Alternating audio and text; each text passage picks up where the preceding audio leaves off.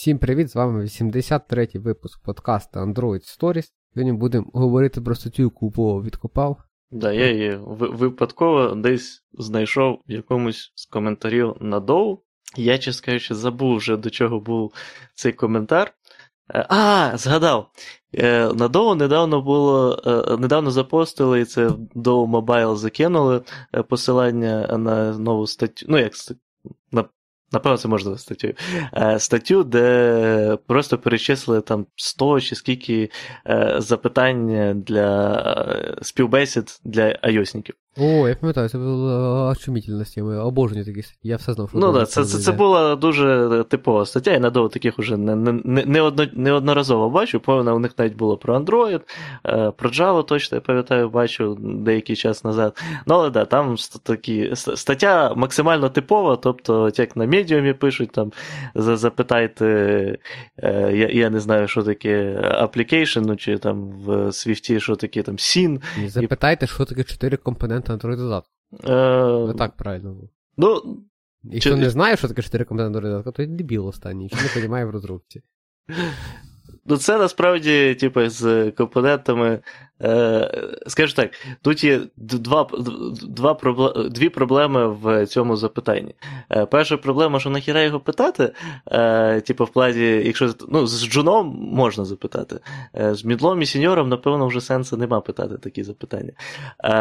А друге, це то, що да, спільна мова не факт, що буде устакана. Тобто, у мене було на на одній співбесіді, блін, я я вже забув. Просто я більшість. Ну, у мене нема е, профільної освіти, називаємо це так. Е, Я математик, тому у мене не було е, оцього всього е, зв'язаного з програмуванням українською. І е, там е, у мене у мене людина запитала е, про е, ці рішення. Коротше, race condition, але він це назвав українською. І причому там переклад був якось не один в один, а якось по-інакше. Переклад один в один, колізія даних. А, це ніфіга не один в один. Це, це, це... Ні, так колізія даних і race condition це різні е, про, проблеми. Ну, Хоча можна сказати, що це. Е, чекай, Як на мене, просто колізія даних більш обширна. Зараз я хочу придумати ситуацію, коли у тебе буде колізія даних не через race condition, щоб це все одно можна було описати словом колізія даних. Е, Зараз колізія даних, коли це до race condition. Ну, просто Race Condition зазвичай використовується виключно в плані проблем з трейдингом, а колізія даних може бути ще як проблема з тим, наприклад, що у тебе є а, тебе локальні да, дані, да, наприклад, у двох різних консюмерів. Да, да, І ось це колізія даних. Ну, а Race Condition це все ж по-іншому. я я про що ти. Uh, да, І uh, блін, мені вже прям цікаво. Зараз я відкрию на Вікіпедії Race Condition, виберу українську мову. Хоча, можливо, та, там буде зовсім інше. Ось. Я, я, я, я, я Стан шукаю... гонитви, да, стан гонитви. От. Йо, це, це, це, це... Е, Я не догадався. І і, і мене питають, е, от як вирішувати стан гонитви. Я такий, що? А можна якось по-інакшому сформувати це запитання? Ну, мені, на щастя, сказали, що. Е, ні, Хоча ні, мені не сказали по Race Condition, мені почали пояснювати, що таке стан гонитви. Такий, а, Race Condition, я такий, да-да-да. І тоді вже сталося зрозуміло. Ну там чувак, до речі, прям багато відстрілював, е, щоб мені приходилось в голові так перекладати з української на англійську, щоб зрозуміти, про що він. Е, це це, це, це, це окрема така проблема.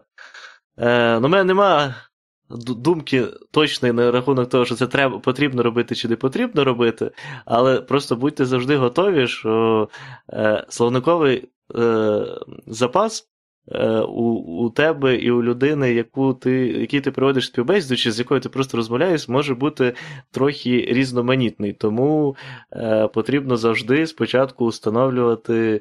Е, це дуже важливо в дискусіях, до речі, завжди встановлювати, е, що у вас одинакові е, ці характеризування одних і тих же речей, які ви одинаково Тоді називаєте. Дискусії і дебати не будуть цей Е, цей самий. Е, дискусії, дебати не будуть цікавими, буде скучно і цілі науково. Розумієш, це так так, так не вийде. Тому треба не узгоджувати і кричати. Ось, е, а з Android-компонентами ідея абсолютно та сама. Якщо е, ну, типу, деякі люди не не чули е, про те, що називають Android-компонент, в теорії можна догадатися, що таке Android-компоненти. Не дуже важко. Особливо, коли це писали в часи, ще коли була бібліотека Android Components, доволі популярна, то ну, поняти, про які іменно компоненти, це, це доволі важко було насправді. Ну, у мене роздуми про компоненти йдуть від ідеї контейнер е, компоненти. Uh. Е, от, Відповідно, якщо Android контейнер, е, то компоненти е, тоді логічно, які виходять. Е, Ну, але це, типу, опять же, в, в, в чому користь такого запитання? Тобто, якщо говорити з Джуном, Ну, теж, напевно, краще спитати його, що таке Activity, чув про що таке сервіс, е, чув про що таке е, цей бродкаст. Ну, да, да, нема смислу. Так. Коротше, не питайте людей херню, це все понятно.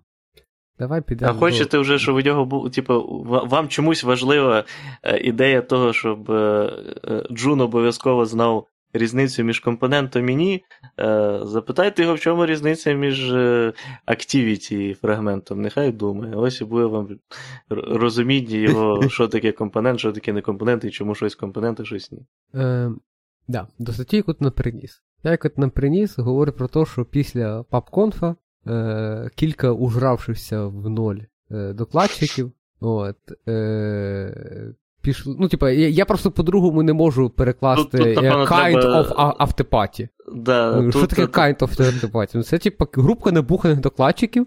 Ну, тобто, знаєш, я це останній мій візит на цей на FDM Camp, там ж було автопаті. Після автопаті було автоп, автопаті, але це все ще було офіційна автопаті від. Е, ну, тобто, ведучий так і оголосив: Ребят, ми закінчуємо наше автопаті і йдемо на авто-автопаті. Mm. От, так от, а от після авто-автопаті вже без ведучої конференції, я і ще там кілька людей, з якими познайомив під конференції, зробили авте-авте-автопаті. От. І в цілому, враховуючи ноту гулянки, на якій я все-таки рішив, що ні, я їду в готель. От, то в них ще було авте-авте-авте-автопаті. Так от, приблизно десь на другому автопаті після папконфи. Головне, щоб від такої кількості автор не стався stack overflow. Да, тобто після PubConf група ужравшись цих людей, е, серед яких, очевидно, так розумію, не було е, цього е, Мартіна, тому що він mm. видав всім піздюлей за те, що фігню всяко говорять. А тут е, на секунду напевно, треба сказати, що таке PubConf, взагалі, е, тому що, можливо, люди люди не догадуються. Е, ідея PubConf проста. Це це конференція, але всі бухають. Зазвичай пиво, е, і при, цьому, відповідно, дивляться цю конфу і активно е, там кричать єй або фу. А як е, ще ці грецькі філософи говорили, а вони фігні не скажуть, пра, пра, правда в вині. Правда в папконф. Вот. Е, ну, Я думаю, мій перевод був лучше. Перш, Перша версія без пояснень. От. Е, Ну, коротше, да. Е, Роберта не покликали на цю конференцію, е, тому що на це автопаті. Kinda of автопаті. От, е, І тому люди почали говорити всяку фігню. І дійшли вони до того, що фігня ваш солід. От. да. От, е, Потім вони, е, ну, я так розумію, типа.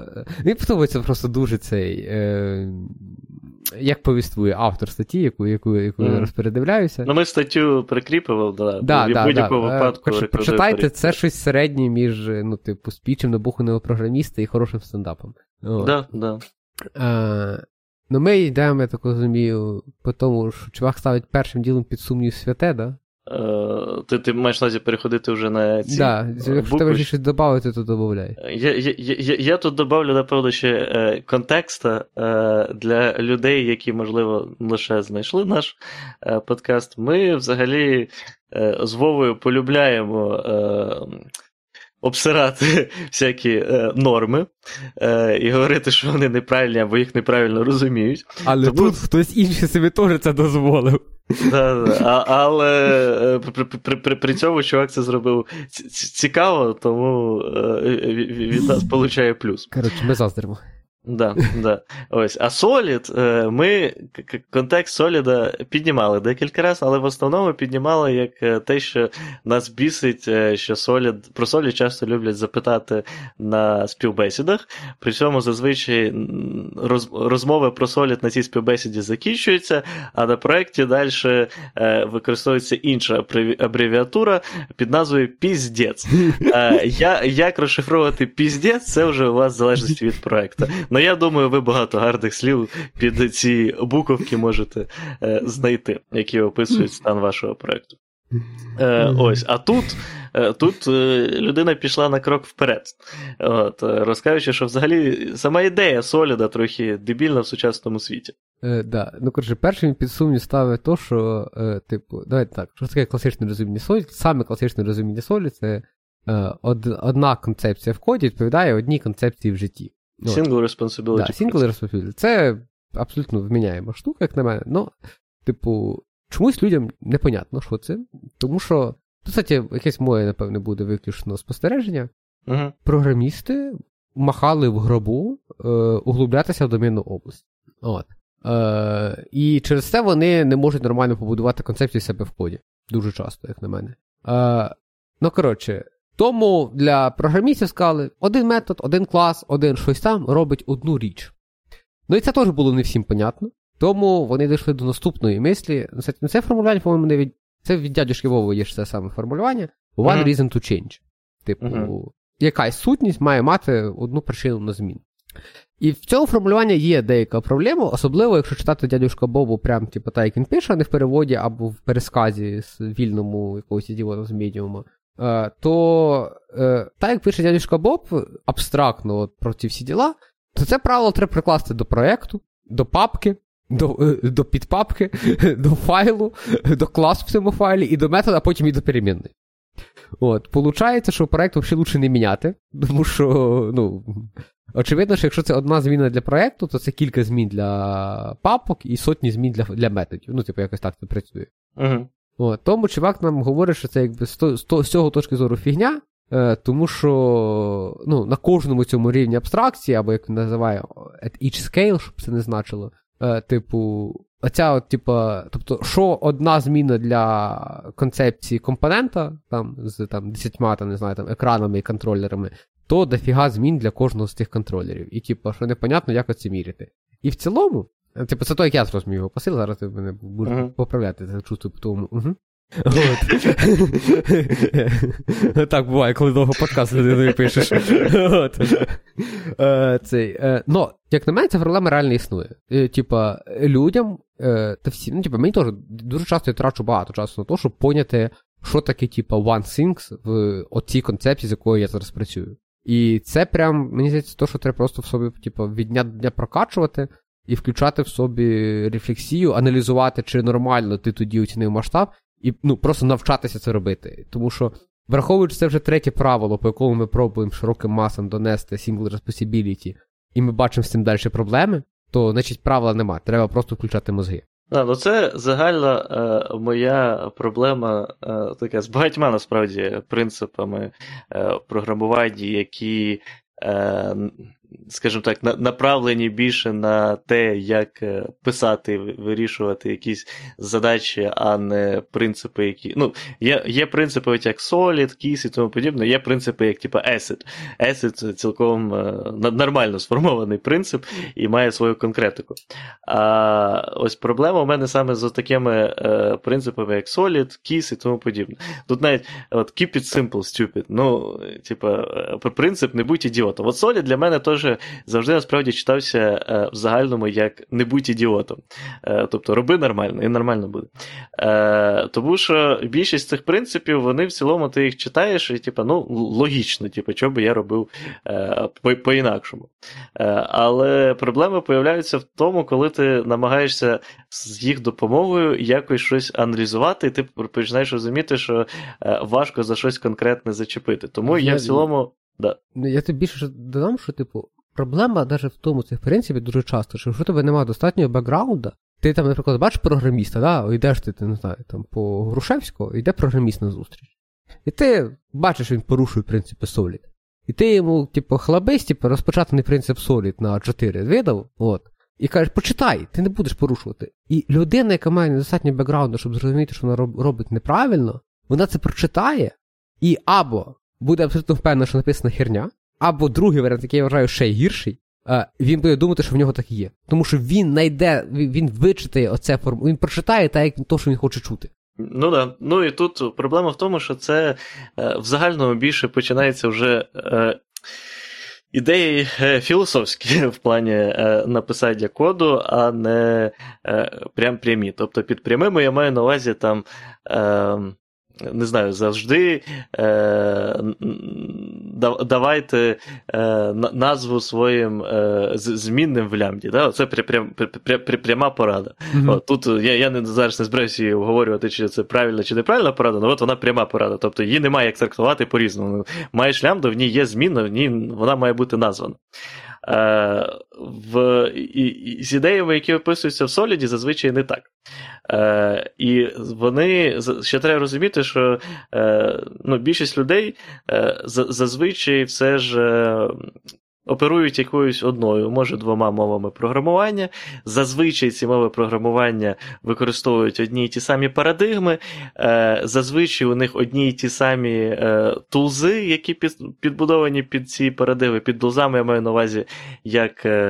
Е, речі, які в самій мові допомагають тобі побудувати якісь ну, абстракції. Ти, ти тобто, про те, що багато програмістів класи... можуть поняти, що таке Java і Kotlin, і оця вся штука. І при цьому цей. Е, Ну, типу, вони там не, не пишуть на якомусь условному там питоні, який там, чи там на якомусь іншому там, на Haskell, да? Угу. Е, ну так, да, я про те, що е, у, людей фіксується певна якась е, кількість. Е, речей, якими вони оперують.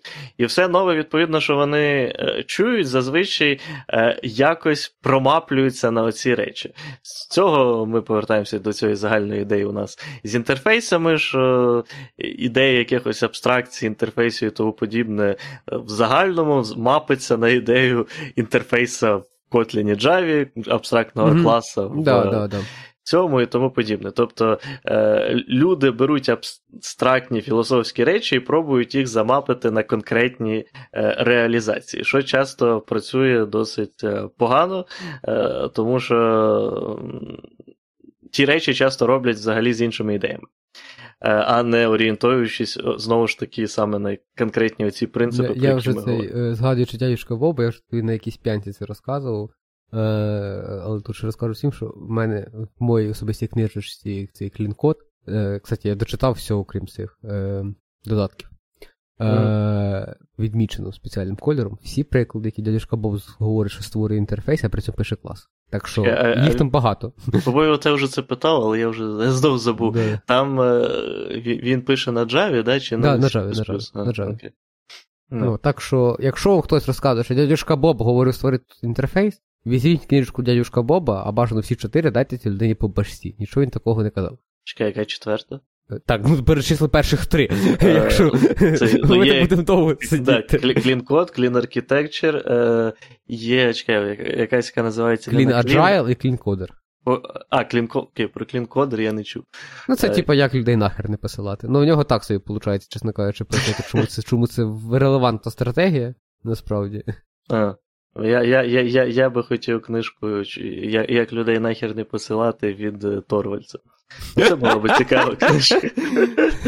Та блін, мені здається, чувака просто наркотою накачали. Ну, типа, реально, він він оце сказав, що він, типа, поїхав, типа, поправити свою, типа, mental health. Mm. І, ну, типа, блін, його накачали просто якимись таблітосами, і він оце, от, ну, типа, перестав говорити, як є. Можливо, не знаю. Е, цей, Так, окей. Е, Повертаючись до Single Responsibility Principle, тобто з ним основ... загальна проблема зазвичай в тому, що е, абстрактна ідея про те, що типу, одна причина для зміни, е, одна відповідальність, плюс-мінус в голові сидить і так, ну, логічно в цілому, а нахіра робити так, щоб було дві. Е, але коли вже ти доходиш дійсно до написання самого коду, то появляється багато запитань, як саме зрозуміти, яка одна причина, а яка, е, а як може бути їх декілька. Тобто, наприклад, автор наводить приклад з е, Extract Transform Load, е, який дата процесор. Ну, тобто, дата процесор бере, достає якісь дані, звідкись, е, якось їх перемаплює, якось їх е, засовує кудись. Тут, з моєї точки зору, я би сказав, що у нас є одна відповідальність, за яку буде відповідати, наприклад, якийсь екстрактор, який буде екстракт робити, окремо буде якийсь мапер-трансформер, щось тому подібне, який буде трансформувати, окремо щось, що буде знати, як записати. Е, але при цьому я можу зрозуміти е, типу, ідеї, коли це все може якось сумісно жити і бути взаємозв'язаним. Е, Тому автор називає ще цей принцип як pointlessly vague principle, тобто е, принцип, який е, без якоїсь на то причини сильно абстрактний і непрямий. Mm-hmm. Е, Ну, більше це, типа, більше має на увазі того, що типа, залежно з якої з якого поінта ти дивишся, типа, як ну, типа, як пол, але окей. Mm. Е, Тобто да. для, типа, перш для людини, яка є, типу, дизайнером системи на високому рівні, для нього це все просто дата процесор. А от для програміста, який вже це пише, це вже от три сущності, які ти описав. Ну да, тобто тут е, е, знову ж таки, ось у тебе є якийсь data processor, який буде, наприклад, використовувати extractor, transformer, loader. Mm-hmm. Якщо поміняється е, extractor, тобі потрібно буде заміняти да. виклик extractor а. Якщо поміняється transform, треба буде заміняти виклик transform у. Якщо поміняється load, заміняти виклик load а. У тебе точно одна причина для зміни. От, Тобто, типу, про це можна розсуждати по-різному.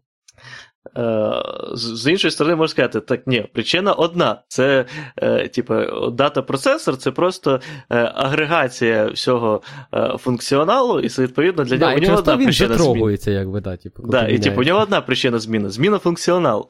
От.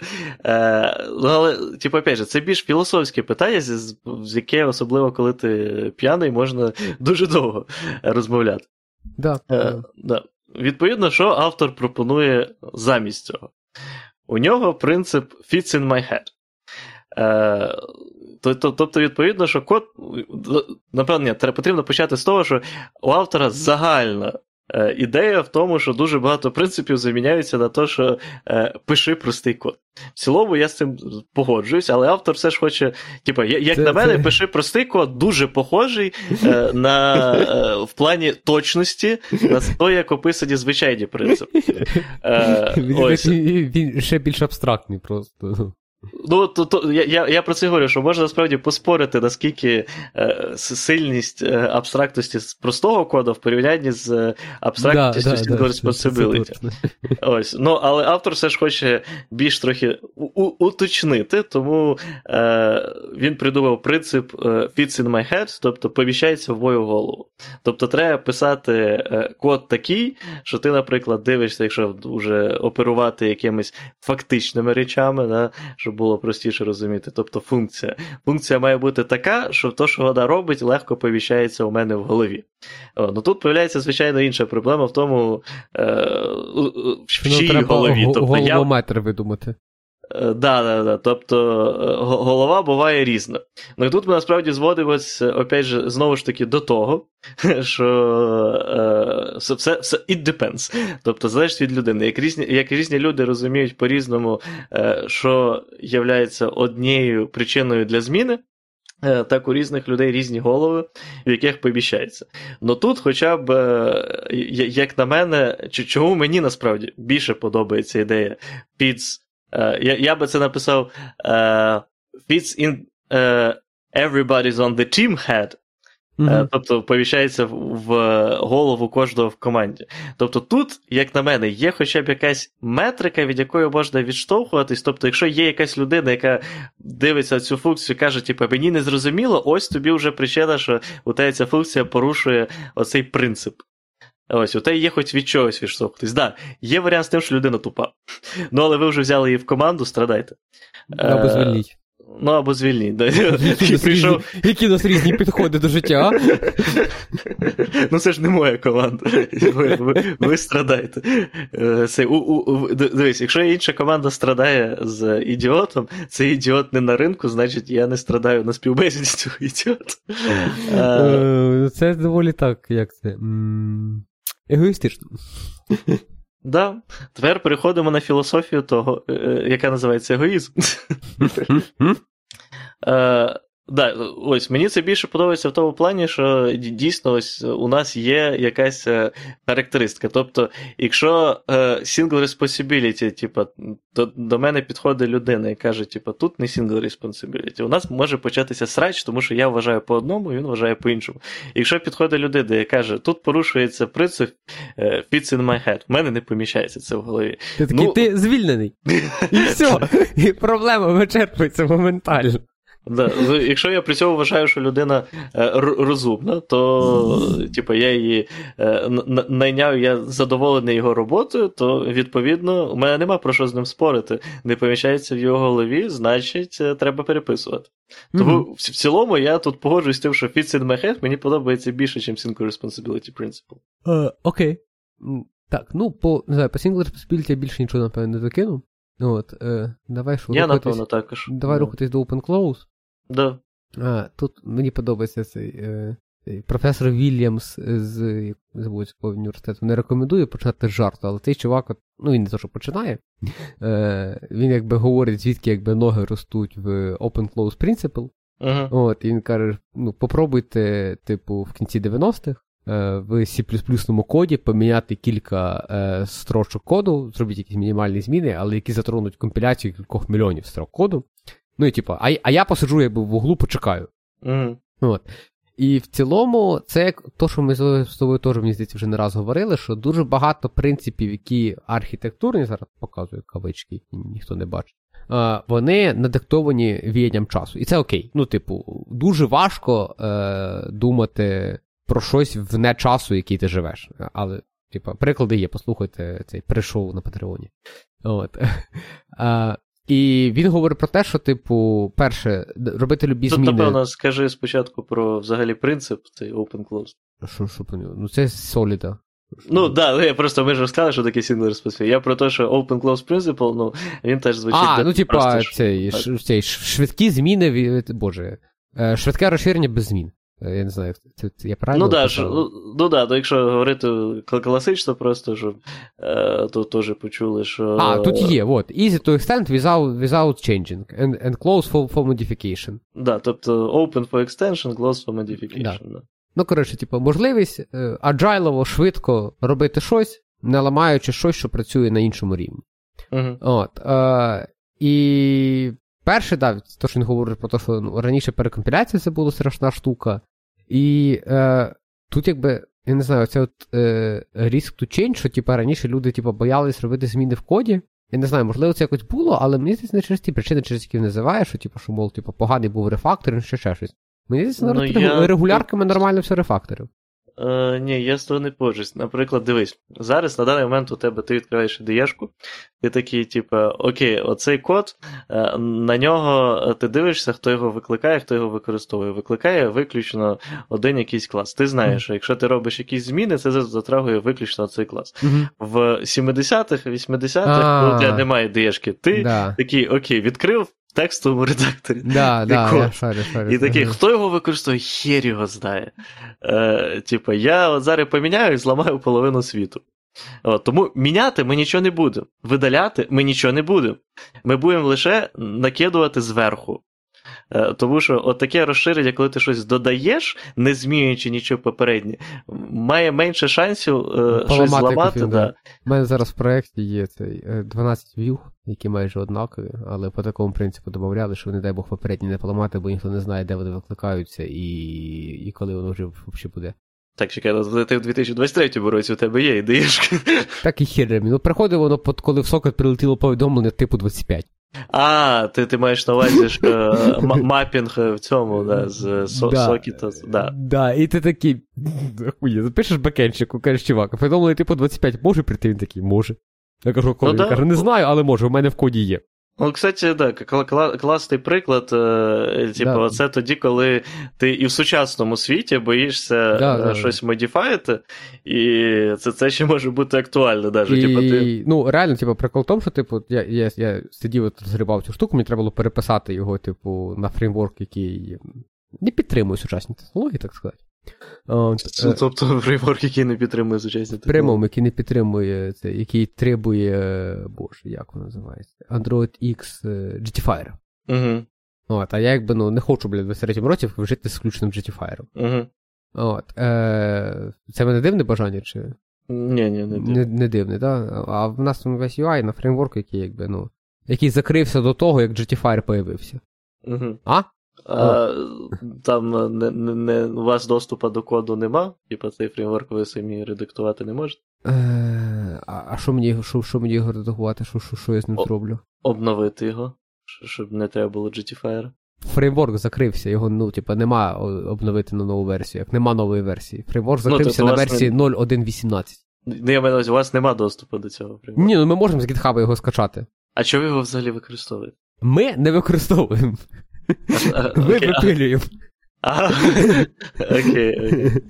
Ми переїжджаємо на, ну, на композ. І так чому це я взагалі? А, Чекай, це, це ти не про Анки я про Анко, да. Анко, да. Анко, да. А, і цей. Е... Коротше, чому. А. І, і ти такий йдеш, типа на бекенді є, в адмінці є. Це повідомлення відправити можна. А чи треба на бізнес у них душі не махає? Ти такий, ну, окей. Е, коротше, да, таке в сучасному світі теж є, але набагато рідше. Да, Тому, ну, типу. да, тому що в сучасному світі у нас є е, рефактори в ідеєшках, у нас є підсвічує, у нас є пошук нормальний. У нас є профіліровщики, у нас є можливість посканувати трафік і всяке таке, тобто у нас типу, є реально дохера всього. І у нас є тести. І в нас є Е, тести. Да, які можуть цілком перевіряти функціонал на те, що ти його не зламав своїми змінами. Що теж великий плюс в плані того, чому зміни це не так страшно. Я тут ще лише додам, що е, дуже І в часто. цілому, е, Да. враховуючи, що всі говорять, що вони agile, впасти в проді не така велика проблема. ну. Е, да, я ще лише додам про Open Close Principle. Е, це те, що дуже часто е, про нього розмовляють якраз в світі Java Kotlin трохи е, по-інакшому, тому що зводять це виключно до е, цього. Наслідування. До Тому що все да. треба наслідувати. Взагалі, все, без наслідування ми ніхто в цьому житті. Да, і типу, до ідеї того, що треба не цей. Не, той, не той клас, який у тебе зараз є відредагувати, а типу, обов'язково зробити до нього наслідування і вже там заоверайдити. Е, ось, що призводить теж до того, що у тебе часто є куча мертвого коду, е, чорт ногу зламає і тому подібні речі. Але да, в загальному е, мені подобається, як він е, описав е, причини, звідки цей принцип взагалі іде. М, ну, в цілому, так. Да. Ну, коротше, що він нам предлагає, давай так. Е, він предлагає забити на це правило, згадати в першу чергу про те, що будь-який код це в першу чергу ціна, тому що його треба підтримувати, в ньому треба розбиратися. Він буде стріляти е, в ноги, коли тобі треба, опять же, щось е, додати нове, змінити і тому подібне. Тому відноситися до кода як е, якраз до тої речі, яку е, можна змінювати, коли це потрібно, і більше того, змінювати і видаляти щось може покращити ситуацію, тому що зменшить вам е, ціну, ціну на підтримку. Ну і опять же він зводить е, все до того, що треба писати. Е, Простий код, який легко змінювати, а не код, який закривається е, від змін. М, м. Кстати, помню, що типу, любий код потребує підтримки. Е, Реально любий код потребує підтримки. Ну, типу, він може там, типу, він може виглядати як код, який ти ніколи в житті не поміняєш, але ти його поміняєш. Ти Да? десь оновив бібліотеку, вийде нова версія системи, на якій закрутишся, нова версія контейнера, ще якась херня, буде якась security уязвімість, е, щось десь станеться, і тобі треба це поміняти. Тому не існує коду, який не потребує підтримки. Угу. А, Окей. А, е, Про цей принцип substitution, ліпту substitution. Е, Я так розумію, це він якраз підсвічує цю стандартну ситуацію у світі, що народ замахав наслідувати всього від всього. Ну, Це з його статті, да, приклад про те, що типу, в цілому можна використовувати замість викрутки ніж, але це не робить ніж викруткою. Це лише дає вам можливість її так використовувати. Чекай, слова кого ти ти, ти запитаєшся його слова, його це кого? Автор статті. А, е, я я не пам'ятаю, що. Ну, це, дивись, це явно, типа, фраза старіша, ніж ця стаття, а, тому окей. я не не думаю, що це він. Придумав, да. А, Ну, коротше, суть в тому, що да, забийте ви болт на те, що треба від цього наслідувати. Наслідування це Не, ну, тут, печаль цього світу, тільки то, що є, типа, as is, а не has a. Е... Тут е, цей, е, треба почати з того, що ми говоримо взагалі про цього да, Лісков Substitution Principle, який говорить про те, що е, якщо Е, у тебе е, є якийсь substitution для чогось початкового, то він, відповідно, має працювати в усіх випадках, е, коли працює щось початкове. Я вже не пам'ятаю точну формулювання дефолтну, ну, але зводиться воно приблизно до цього. Ну і опять же, типу, люди в Java, Kotlin і тому подібних мовах програмування, які в першу чергу бралися за оці сучасні ідеї ООП з трьома принципами. Е, то чи деякі говорять чотирма, ну не суть.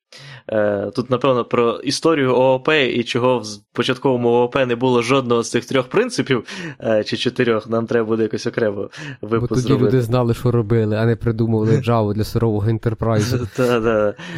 Ось, що коли думаємо про сучасний ООП, то все зводиться часто до опять же, того, що є клас, у нього є якийсь клас, який його наслідує, і що цей клас, який наслідує, не має ламати е, діякий функціонал, який його використовує замість цього базового класу. Ну, і, і, е, і Тут е, чувак написав, що в цілому це просто принцип е, principle of least surprise, тобто що треба. Е, я забув слово, стріміться до ситуації, коли у тебе є як можна менше е, можливих сюрпризів. Ну і, типу, відповідно, що якщо ти щось екстендиш і потім е, підміняєш імплементацію, то вона е, не має видавати сюрпризів з тим, що вона щось ламає. Що в цілому логічно і трохи більш просто обширний принцип. Але крім того, треба розуміти, що Е, оці сабтайпи через екстеншн це не єдиний варіант. Тобто, якщо там брати якийсь е, JavaScript чи взагалі будь-яку мову, де нема строгої типізації, то там е, як subtype можна використовувати будь-який е, type при умові того, що у них співпадають їх інтерфейси. Причому да, от інтерфейси не як інтерфейс в Java Kotlin, а як то, що які у них є е, публічні методи. Получається, JavaScript більше всього відповідає канонам дядьки Боба. Да, да, звісно.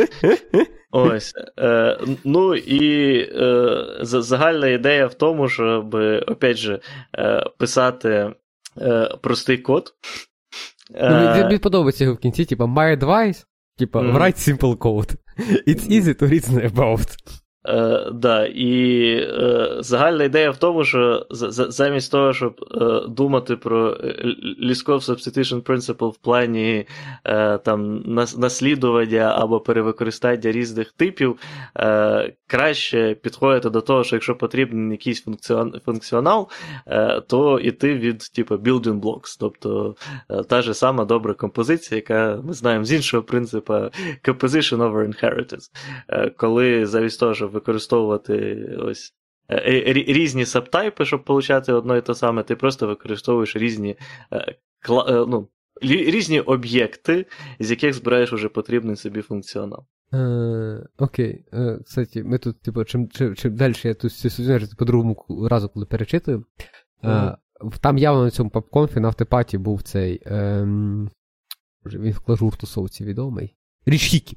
От. Uh-huh. Цей автор доповіді Simple Made Easy. Uh-huh. От, е, Типу, тому що дуже, дуже багато, типу, це, типу, врайте Simple Code, врайте Simple Code. Таке враження, що вони реально з річом Хікі просто після п'янки вийшли і вирішили це от, типу, статтю на двох згенерити. Uh-huh. Хто не дивився доповідь Річа Хікі Simple, Simple Made Easy чи Simple Write, ну якось так, типу Simple Made Easy, по-моєму. Типу, супер рекомендую. Це, типу, чувак, який типу, на початку нульових вже всім розказував, що ця ваша Java і ОП до добра людству не доведуть. Mm. Е, окей. Е, у нас далі йде інтерфейс Segregation Principle, е, і я тут, кстати, до кінця, чесно кажучи, не поняв його наїзда, е, тому що це мені здається такий найменш конфліктний, типа. Е, найменш конфліктний взагалі принцип з всього Соліда. Тобто він тут приводить історію, яка є публічною, коли Боб Марн працював в цьому Xerox, uh-huh. е, і вони там був якийсь God Object, як неочікувано, да, в софті на 50 років. От, е, І він, типу, почав розковирювати, що де як використовується. Да, Принцип інтерфейс aggregation, що, типу, не робіть інтерфейси, які вміють якби, дофіга всього. Тут же перший інтерфейс використовується як описання будь-чого, починаючи від методу, закінчуючи компонентом або проєкту. Типу, діліться все, і він розказує про те, що там дядюшка Боб е, почав ходити, так розумію, по всьому ксероксу і питатися пацани, хто тут щось з цього використовує, тому що індексації не було. От, mm-hmm. е, І такий, окей, типу, ми це все почнемо типу, розбивати, але він не то, щоб розбив, він просто, типу, обкрив інтерфейсами джавовими, так розумію, на той момент. От, І сказав, ну, все, тепер, типу, в кожного свій інтерфейс, типу, це типу, перестало бути, типу, God Object. От, е, І чувак підсвічує, що да, це, типу, хорош, хороша тема, типу, знати, хто що юзає, і плясати від цього. Ми Вертаємося до мого поінта, що, типу, вкуритись домен дуже сильно допомагає. От. А, Але я не поняв, типу, на що він планує його поміняти, чесно кажучи, з його цього, типу, е, вираження. У нього, як я зрозумів, нема плану е, це поміняти, а більше ідея в тому, що е, то, як початково був сформульований оцей інтерфейс Segregation Principle, що він більше звучить не як е, принцип, а як шаблон до вирішення проблеми з God Object. Е, Тут трохи, виходить, опять же, Це, філософія, як на мене. Типа, знаєш, типа, point up, ну, типа, типа, він, видимо, багато good objectів бачив і багато їх розрулював, типа, через сегрегацію. І такий, ну, це інструмент для того, щоб розрулювати good object. Так, да, він, він просто говорить про те, що якщо е, писати відразу, е, типа, е, якісь, е, ну, давай будемо говорити класи, да? Uh-huh. якісь класи, які е, будуть йти по принципу того, е, що вони за, за щось конкретне відповідають, то ти просто не попадеш в цю проблему з God-Object і тим, що тобі треба якось сегрегатити інтерфейси. Як на мене, типа, виходить так, що він говорить, по суті, про те же саме. Е, просто називаю по-іншому. Тут знову ж таки е, розуміння принципу. Тобто він пішов від ідеї того, е, що як уже хріновий інтерфейс розділяти. А потім пише, що просто не треба робити хріновий інтерфейс, і його не треба буде розділяти. Якщо вже зробили, то да, цей підхід підійде, е, і, ну, але він більше як шаблон. Його, його підхід, типа, зробіть ізначально хорошо, і буде вам щастя, да? Да, але я просто про те, що він е, каже, що якщо ви вже зайшли в цю ситуацію, то інтерфейс segregation це хороший шаблон, щоб розділити. Тобто ж у вас там оцей GAD-клас якийсь є, да? і ви на нього спочатку просто навішуєте кучу інтерфейсів, ніхто з ним напряму не взаємодіє, а взаємодіє виключно через ці інтерфейси. І тоді вже цей God-Object буде набагато простіше різати. Е, а Е, але просто я завжди інтерфейс Segregation Principle е, розумів і як просто е, загальну ідею. Тобто відразу, коли ти пишеш, то ти типу, розділяєш на ролі.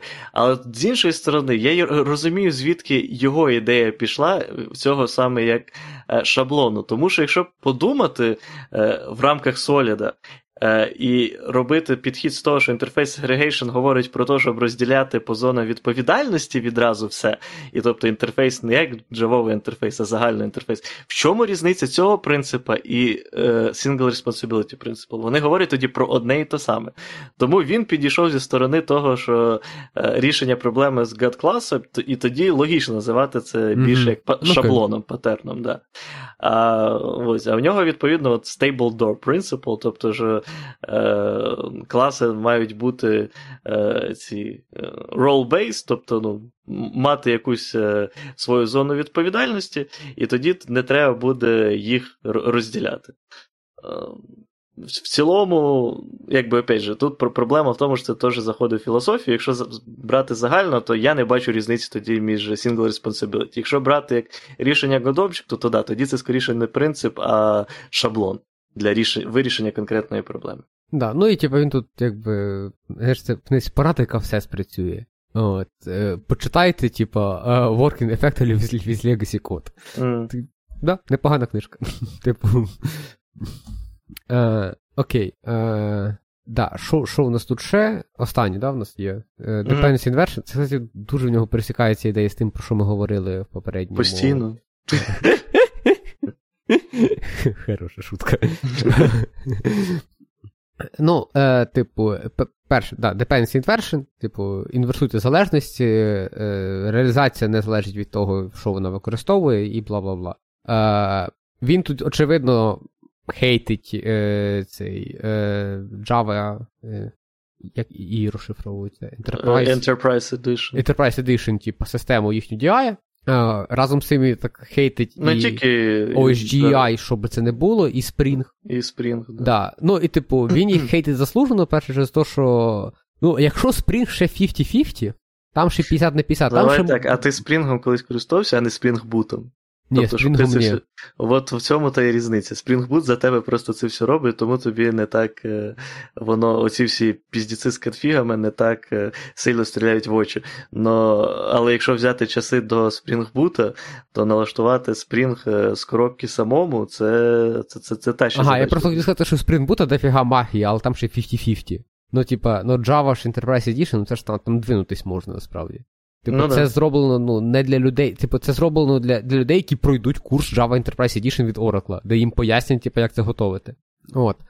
Е, І, відповідно, к чому ми це все? Чому ми це все? А. Е, К тому, що е, він на це все накидається і по факту зводиться опять же, до цього, що його suggestion write simple code. Бі, бі... Ну, не, не, не просто він, він ж тут проходить, по суті, по нашому цьому загальному поінту, від якого часто бомбить, е, що тебе, що мене, е, на рахунок от, непотрібних абстракцій, які насправді. ну, Тут да, не, не те, що не потрібні, а не існуючі абстракції, які все одно пишуться. Подобається навіть приклад, який він приводить про базу даних. Він каже, що типу, от, от закрийте абстракцію за базою даних, і типу, це буде афі офігенна абстракція рівно до одного моменту, доки вам не треба буде реально поміняти базу даних. Тобто до моменту, до, доки е, не випаде та задача, перед якою ви реально будували цю абстракцію, всім навкруг розказуючи, що ця абстракція для цієї ситуації, от до цієї ситуації ця абстракція працює офігенно.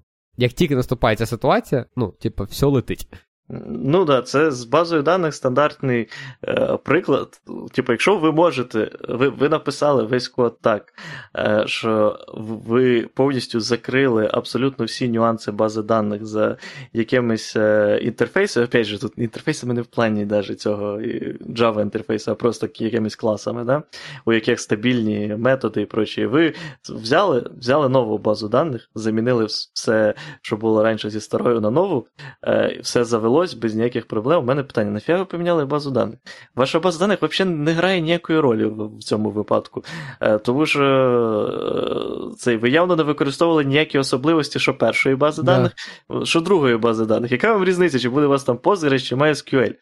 Е, типа, ви не користуєтесь ніякими нюансами ні тої, ні да, другої. Це це, це, це, це, це, це приблизно, ну, типа, ви ви з тим самим успіхом могли просто позрю на мажорну версію обновити, ну, на мінорну версію обновити, mm-hmm. і був, був би той самий ефект. Інтерфейс би зберігся. І Ну, тобто, да, тут якби це ніколи так не працює. Тобто, якщо в тебе була, наприклад, реляційна база, ти розумієш, що ти не вигрібаєш, ти перейшов на нереляційну, ну не збережеш ти інтерфейс. Хоч ти вбийся, не збережеш. Тобі просто треба сісти і переписати. Просто по-новому цей. Тобі треба перед тим перевиховувати команду, що у вас тепер нереляційні зв'язки. Це саме важке.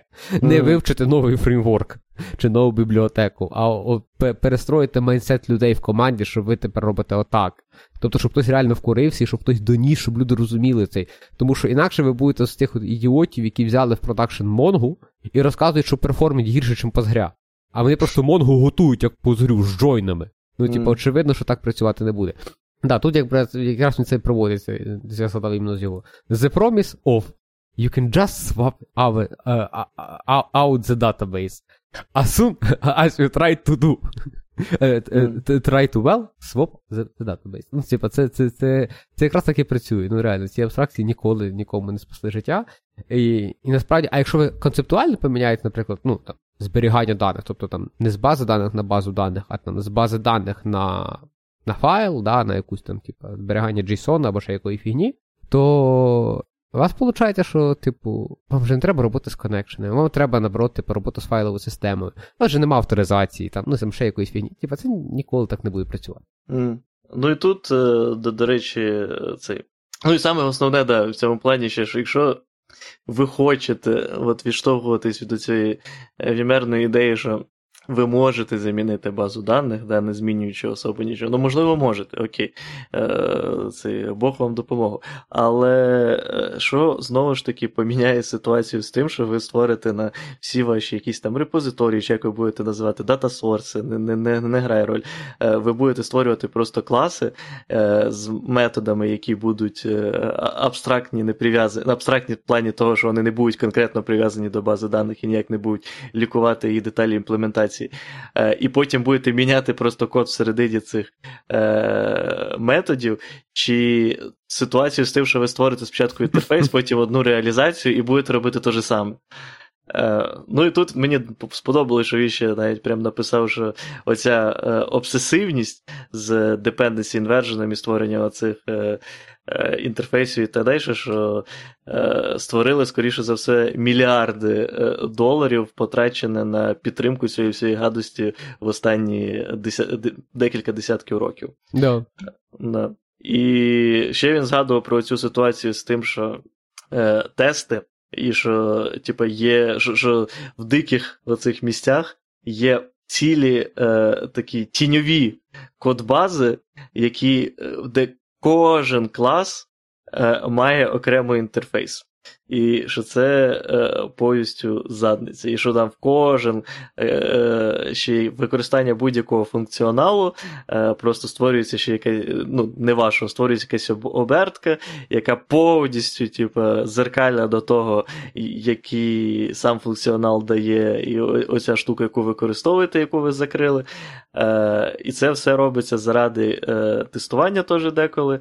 Ну, знову ж таки, якщо ви живете в Java, Kotlin, Miro... Ніколи в цьому проєкті нема тестів. Серйозно, всі проекти, Ні, де є всі ці абстракції для тестів, ніколи, блядь, нема тестів. Ну, давай давай навіть візьмемо ідеальну ситуацію, що тести є. Але ви живете в Java Kotlin світі, у вас є Mockito, у вас є Mock, е, у вас є куча тулзів, У вас є рефлексія, і у вас є, блядь, вся рефлексія під капотом, ну. Просто, да, воно все, все закрито. Да. В ситуації, коли е, у вас якийсь Swift, я чесно кажучи, не дивився вже декілька років в ту сторону. В Swift, як мінімум, декілька років назад не було взагалі тулінга. Ну це проблема того, що Swift це річ, яка використовується виключно для iOS. От, А як це, ми знаємо, мобайл це, це така дитяча річ. Перше, без кровавого ентерпрайзу. В мобайлі, да, типу, ну, типу, кількість людей, які пишуть мобайл, незрівняно мала порівняно з кількістю людей взагалі в індустрії.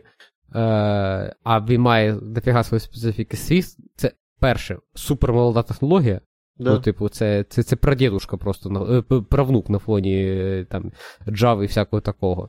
Друге, використовується супер вузькою типу, категорією типу, спеціалістів, нормально підтримуються. Е, І, напевно, 95-96% всіх е, команд, які працюють з Swift, це 2-3 людини максимум. І да. це теж грає свою роль, да, що не тобто, треба думати це... над процесами настільки да, багато. Це, це, як правило, маленькі команди. Це одна ідеєшка, яка плюс-мінус це підтримує. Ну зараз вже Brains Fleet почав підтримувати, типу Swift, апкод вони закрили. Mm-hmm. Е, Ну тобто, це, ну, come on, це не та технологія, на яку ми всі тут хотіли би індустрією рівнятися. От я зараз на гоп пишу, гоп да, і ну, на штуку. Я я, я цю тему за Swift просто підняв, що да, тіпа, якщо ви нас слухаєте, ви там пишете на iOS і там до сих пір не зробили якусь нормальну систему моків, я бачу, що там іде, йшли ну, якісь ідеї через кодогенерацію. Там багато да, є, два, як мінімум, популярних open проекти, які роблять кодген, і там, ну, як на мене, виглядає непогано. Якби мене так не парив Xcode, я б, може, б щось писав. Але, типу, я тут ще просто вкину то, що да, якщо там ви ніяк не обійдетесь без інтерфейсу для того, щоб замок, ну, зробити якісь фейки, протестувати його, окей, я я повністю розумію таку ситуацію. Тут дійсно інтерфейс пригодиться, тому що це проблема мови. Е, Але просто я бачу не раз е, в світовій репозиторії, де на кожен клас робиться практично е, протокол, при цьому тестів нема. Або тести є, але вони там ну, на 10% кодової бази. Так якого чорта ви 100% ну, да. кодової бази пробуєте закрити протокол? Ну хочете написати тест? Ну створіть тоді вже протокол. Оцінюйте логічно свої ці Тут здібності. Я... Не треба робити план, що спочатку ми все поміняємо на протоколи, а тоді ми почнемо писати тести. Я я повторюю, знаєш, весь я на роботі з тим часом доношу, що любе рішення в архітектурі проєкту має бути обосновано структурою проєкту. Любе рішення в структурі проєкту має бути обосновано здоровим глуздом. Тобто mm-hmm. в корні всього здоровий глузд, потім структура і поверх того архітектура. Якщо архітектура починає диктувати структуру, нахуй таке архітектурне рішення. Типу, якщо в структурі треба щось поміняти, щоб порушити common sense, нахер таке, таке структурне рішення. Ну, я закінчу, напевно, свої думки тим, що пишіть простий код. Simple made easy. Ну. Я тобі скину ссылку на річі Хікі, добавиш теж разом з цією статтєю, хай люди люди подивляться. Е, да, е, Давайте в закінчення. Перше, в нас на Патреоні появився семиденний пробний період. Уху, Бо що? Бо я не йшов кнопку правильно. От, І розбираюсь тут в технологіях, не просто так тут сиджу. Я, до речі, цього раніше ну, не знав навіть, що у Патреона є така фішка, тому що я ніколи не зустрічав жоден Патреон, де був би. Можливо, вони теж ще не знайшли цю кнопку. Можливо. От. Е, Друге, поставте лайк, напишіть коментар, підписуйтесь на канал, кидуйте друзям. Е, е, А, да, якість цього якість цього випуску мала бути. Ти знову по фільтру? Да, да, до речі. Да, Якість цього випуску мала бути неймовірно краще, тому що ми обоє з новим по фільтрам. Е, а, а, Адже вся проблема була виключно в ньому. І це Бачите, е, е, бачите, як О, ми, ми відразу можемо... краще виражаємо свої думки, не говоримо фігню, не перебиваємо одне одного, як легко нас слухати. Да. Прям академі... Поп-фільтр поміняв і став таким крутим академіком. Да. Так от. Ми навіть можемо сказати, що і в нас два поп-фільтри не через те, що я ідіот, який не вміє нормально інтернет-магазин заказувати, тому сказати, один заказав два а завдяки допомоги наших любимих патронів. Е, Все, дякую вам, дякую всім, хто слухав. Всім пока. Всім дякую, всім пока.